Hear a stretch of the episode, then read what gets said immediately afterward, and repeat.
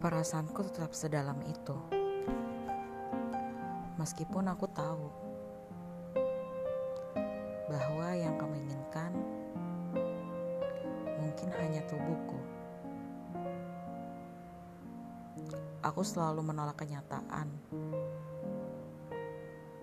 Aku selalu percaya bahwa kita ini adalah cinta.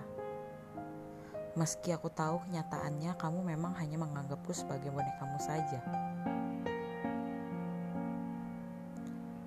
Lalu, apa yang harus kusalahkan selain diriku sendiri? Sebab ketika kita bersama, kita sama-sama menikmati.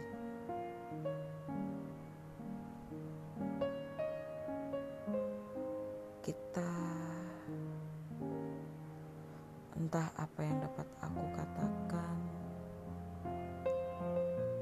Aku tahu aku adalah wanita bodoh yang percaya dengan.